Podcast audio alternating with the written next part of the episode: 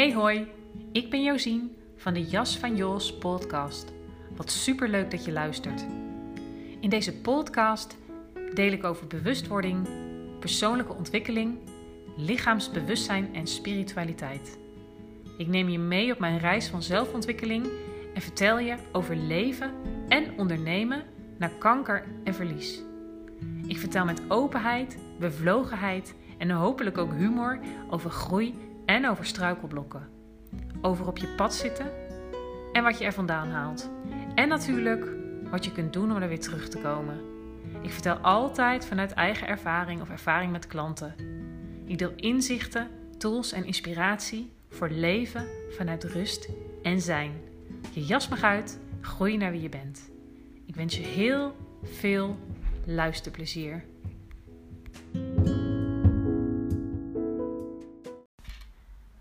Hey, leuk dat je er weer bent bij een nieuwe aflevering van de Jas van Jos podcast. Ehm, ja, ik uh, was lekker aan het schrijven onder andere en ook een uh, reel aan het maken over um, je best doen en over de innerlijke criticus. En uh, nou ja, je weet dat ik daar regelmatig over podcast, de innerlijke criticus. Um, en ik blijf dat gewoon doen, omdat het een... omdat het iets is wat eigenlijk in ons allemaal speelt. Um, wat ik zelf ook heel goed ken. Um, waar ik vooral in het verleden heel veel last van heb gehad. Um, maar nu in mijn werk vooral anderen ook heel erg bij help. en ja, de inspiratie komt vaak uh, ook op het moment dat het speelt uh, bij mij. En uh, weet je, want dat is ook niet wat per se het streven moet zijn om. of het doel dat je er helemaal vanaf moet. Want dat is vaak juist als het met nadruk gaat uh, niet hoe het werkt. Um, maar ja, als je uh, zeg maar bezig gaat met persoonlijke ontwikkeling um, en zelfontwikkeling, dan, dan is die criticus um, een deel, een instantie, een stuk in jou wat uh, op den duur aan het licht zal komen. En wellicht heb je daar zelf ook al zicht op. Maar wat ik vanmorgen schreef, en ik dacht dat is toch nog wel uh, um, zinvol om daar een podcast over op te nemen. Omdat niet allemaal luisteraars op Instagram zitten. Um, maar de zin, juist door te stoppen met je best doen, kun je echt meters maken. Mooie paradox weer. Hou ik altijd van. Um, want dat is wat er vaak gebeurt. Als je zeg maar in de, in de greep van de criticus bent, dan Um, dat is vaak de motor achter hè, je innerlijke pusher, je innerlijke opjager, um, die jouw maand tot doen. Um, dus laat de zin nog maar eens op je, op je inwerken. Hè. Juist door te stoppen met je best doen, kun je echt meters maken. En daarmee bedoel ik, hè, in dit geval gaat het dan echt over persoonlijke groei en ontwikkeling. Um, ja, zoals ik net al zei, dat het met dit soort dingen vaak uh, een note to self is. Een practice what you preach. Um, dat is uiteindelijk ook, hè, door, juist door zelf je moeilijkheden te overwinnen, als het ware, kun je, ja, kun je een fijne coach zijn. Kun je een goede coach zijn voor anderen die je tegenaan lopen. Uh, omdat je weet hoe het is om hier doorheen te gaan. Um, en daarom belangrijk dus om te delen. En ook altijd een stukje van mezelf daarover te delen. Um, want we zijn allemaal mens. Maar ja, vraag aan jou van, want hoe zit het met jouw mate van je best doen? Van je best moeten doen? Want zo kan het echt, echt voelen, dat je je best moet doen. En um, um, misschien uh, hoor je die zeg maar als het ware ook dat moeten. Het kan ook zijn dat het, dat het iets is wat eigenlijk zo automatisch gebeurt zonder dat je er erg in hebt. Um, en dat je dan dus eigenlijk maar bezig blijft met het project van nog meer erin stoppen. Um, in plaats van dingen integreren in je leven. Um, ja, dus, dus hoe zit het met jouw mate van je best doen? Um, en mag je wel eens echt ontspannen? Lukt het je om te ontspannen? vaak is, ja, is nog meer lezen en nog meer leren, nog meer willen weten, nog, meer harder, nog harder werken.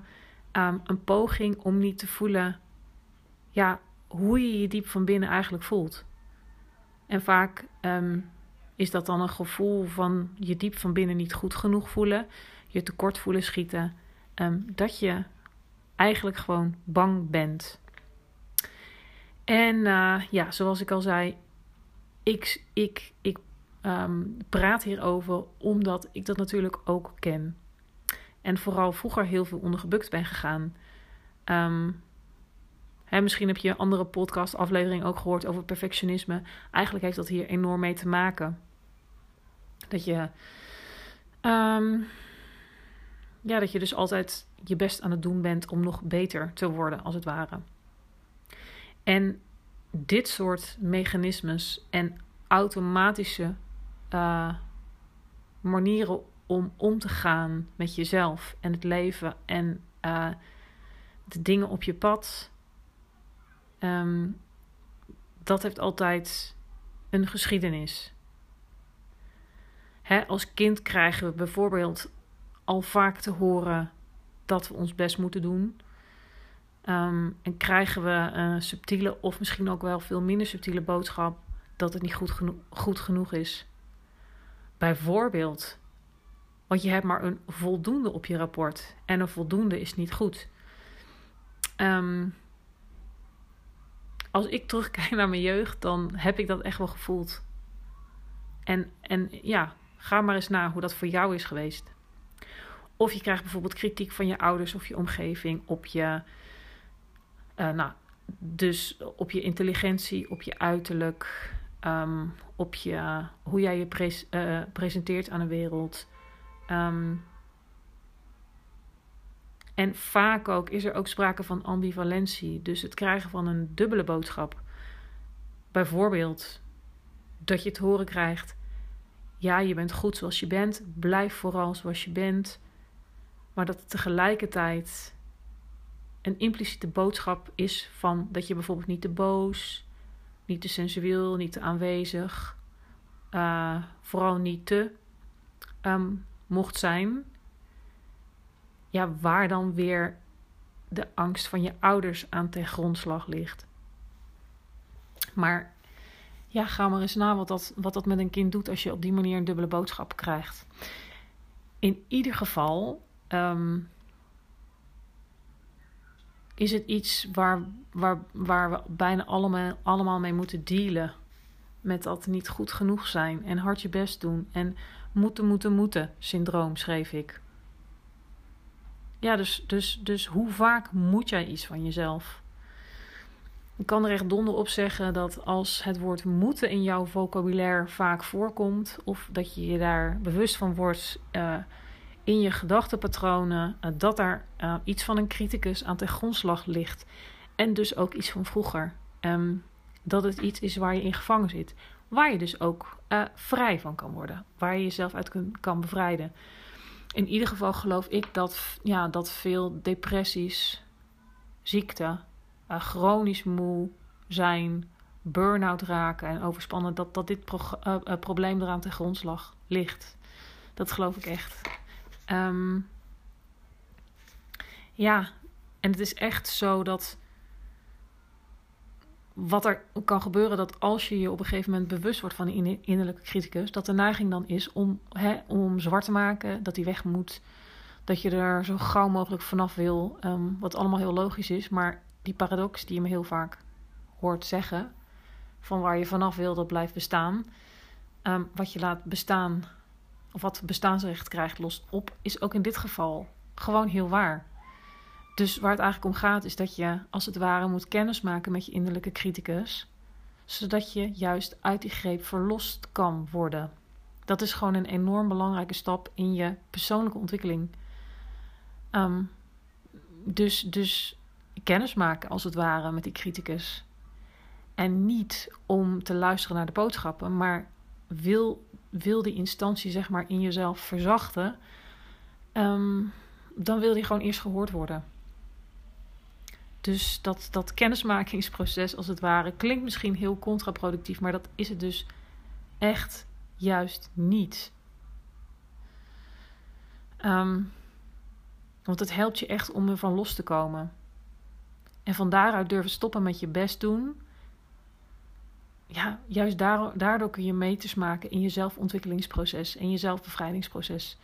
En ja, ga je op weg naar een authentieker, autonomer leven. Met meer rust. Vanuit meer contact met je lichaam. Dus vanuit lichaamsbewustzijn en lichaamswijsheid. Um, ja, dus dat. Ehm, misschien leuk om een kleine opdracht uh, of oefening mee te geven. Ook om ja, eens te onderzoeken hoe die criticus zich in jou manifesteert. Is dat je deze week eens een, in een boekje of schriftje bijhoudt. Um, en ja, je dan een aantal vragen. Dus misschien handig om even, anders zet je de podcast even op pauze, even een uh, pen en papier te pakken. Dus dat je een week lang bijhoudt op het moment dat je ervan bewust wordt, of anders misschien uh, toch even een alarm zetten. Uh, dat je er ook even voor gaat zitten en terugkijkt op je dag. Um, maar ook handig dat op het moment dat het zich voordoet, dat je dat dan meteen opschrijft.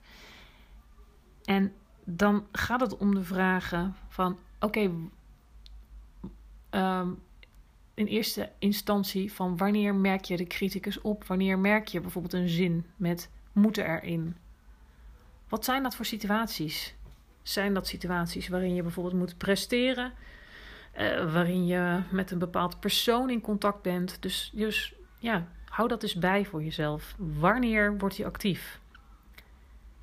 En let dan ook op, wat zegt hij dan? Wat zijn die boodschappen die je eigenlijk innerlijk hoort? Die je eigenlijk als het ware tegen jezelf zegt.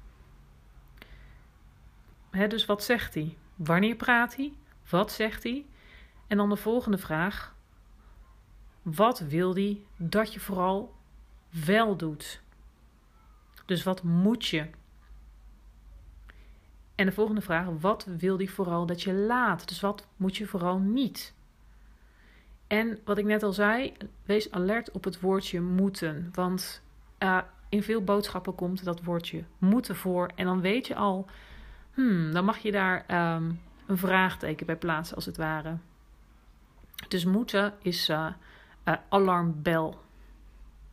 Ja, dus ik, ik zou aan je willen vragen: doe dat eens een week. Hou dat eens bij voor jezelf. Zodat je dat een beetje gaat leren kennen. En merk dan ook op wat het doet om er alleen al op deze manier mee bezig te zijn. Dus het niet weg te drukken, zwart te maken. Um, ik zeg er toch ook nog even bij. Heb je me waarschijnlijk wel eens vaker horen vertellen. Die criticus, ja, je hebt er last van. Maar die is ooit ontstaan omdat het nodig was. Dus het is niet nodig om, um, om het helemaal zwart te maken. En vooral belangrijk om het niet weg te willen uh, moffelen. Dus eerst leren kennen en dan uh, laat hij jou uh, los, als het ware. Ja, dus nou, dat is eigenlijk wat ik met je wilde delen. En wil je nou serieus aan de slag met het stoppen met je best doen? Weer die mooie paradox. Dus wil je aan de slag met stoppen met je best doen? Ja, dan, dan is zijnsgeoriënteerde, lichaamsgerichte coaching, eh, essentiewerk heel erg fijn en helpend hierbij.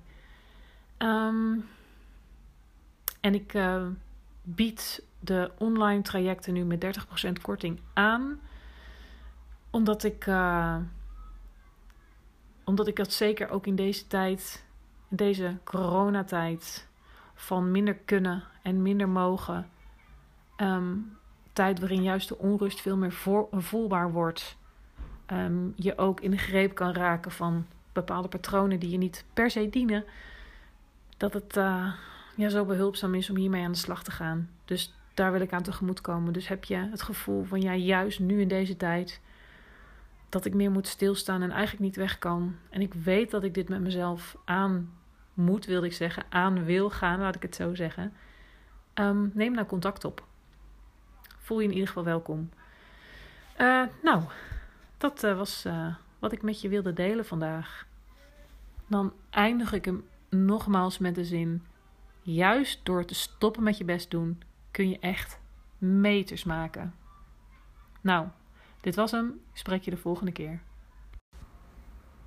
Dat was hem weer voor vandaag. Wat fijn dat je erbij was en helemaal tot het einde hebt geluisterd bij deze aflevering van de Jas van Jos podcast. Wil je me nou een beetje helpen? Dan vind ik dat natuurlijk hartstikke fijn. Je kunt dat doen door je te abonneren op deze podcast. Dat kan zowel op Spotify als op Apple Podcast. Ehm, daarmee kom ik hoger in de ranking, ben ik makkelijker vindbaar. Ehm, en krijg je ook een melding als er een nieuwe aflevering online is. Je kan me ook helpen door op Apple Podcasts een rating en korte review achter te laten. Ook dat helpt me enorm ehm, bij de vindbaarheid en eh, in de ranking. En ik wil natuurlijk niets liever dan dat deze podcast bij zoveel mogelijk mensen terechtkomt. Voor wie dat inspiratievol en behulpzaam is. Dus um, dank je wel alvast voor de moeite. En uh, dan spreek ik je de volgende keer.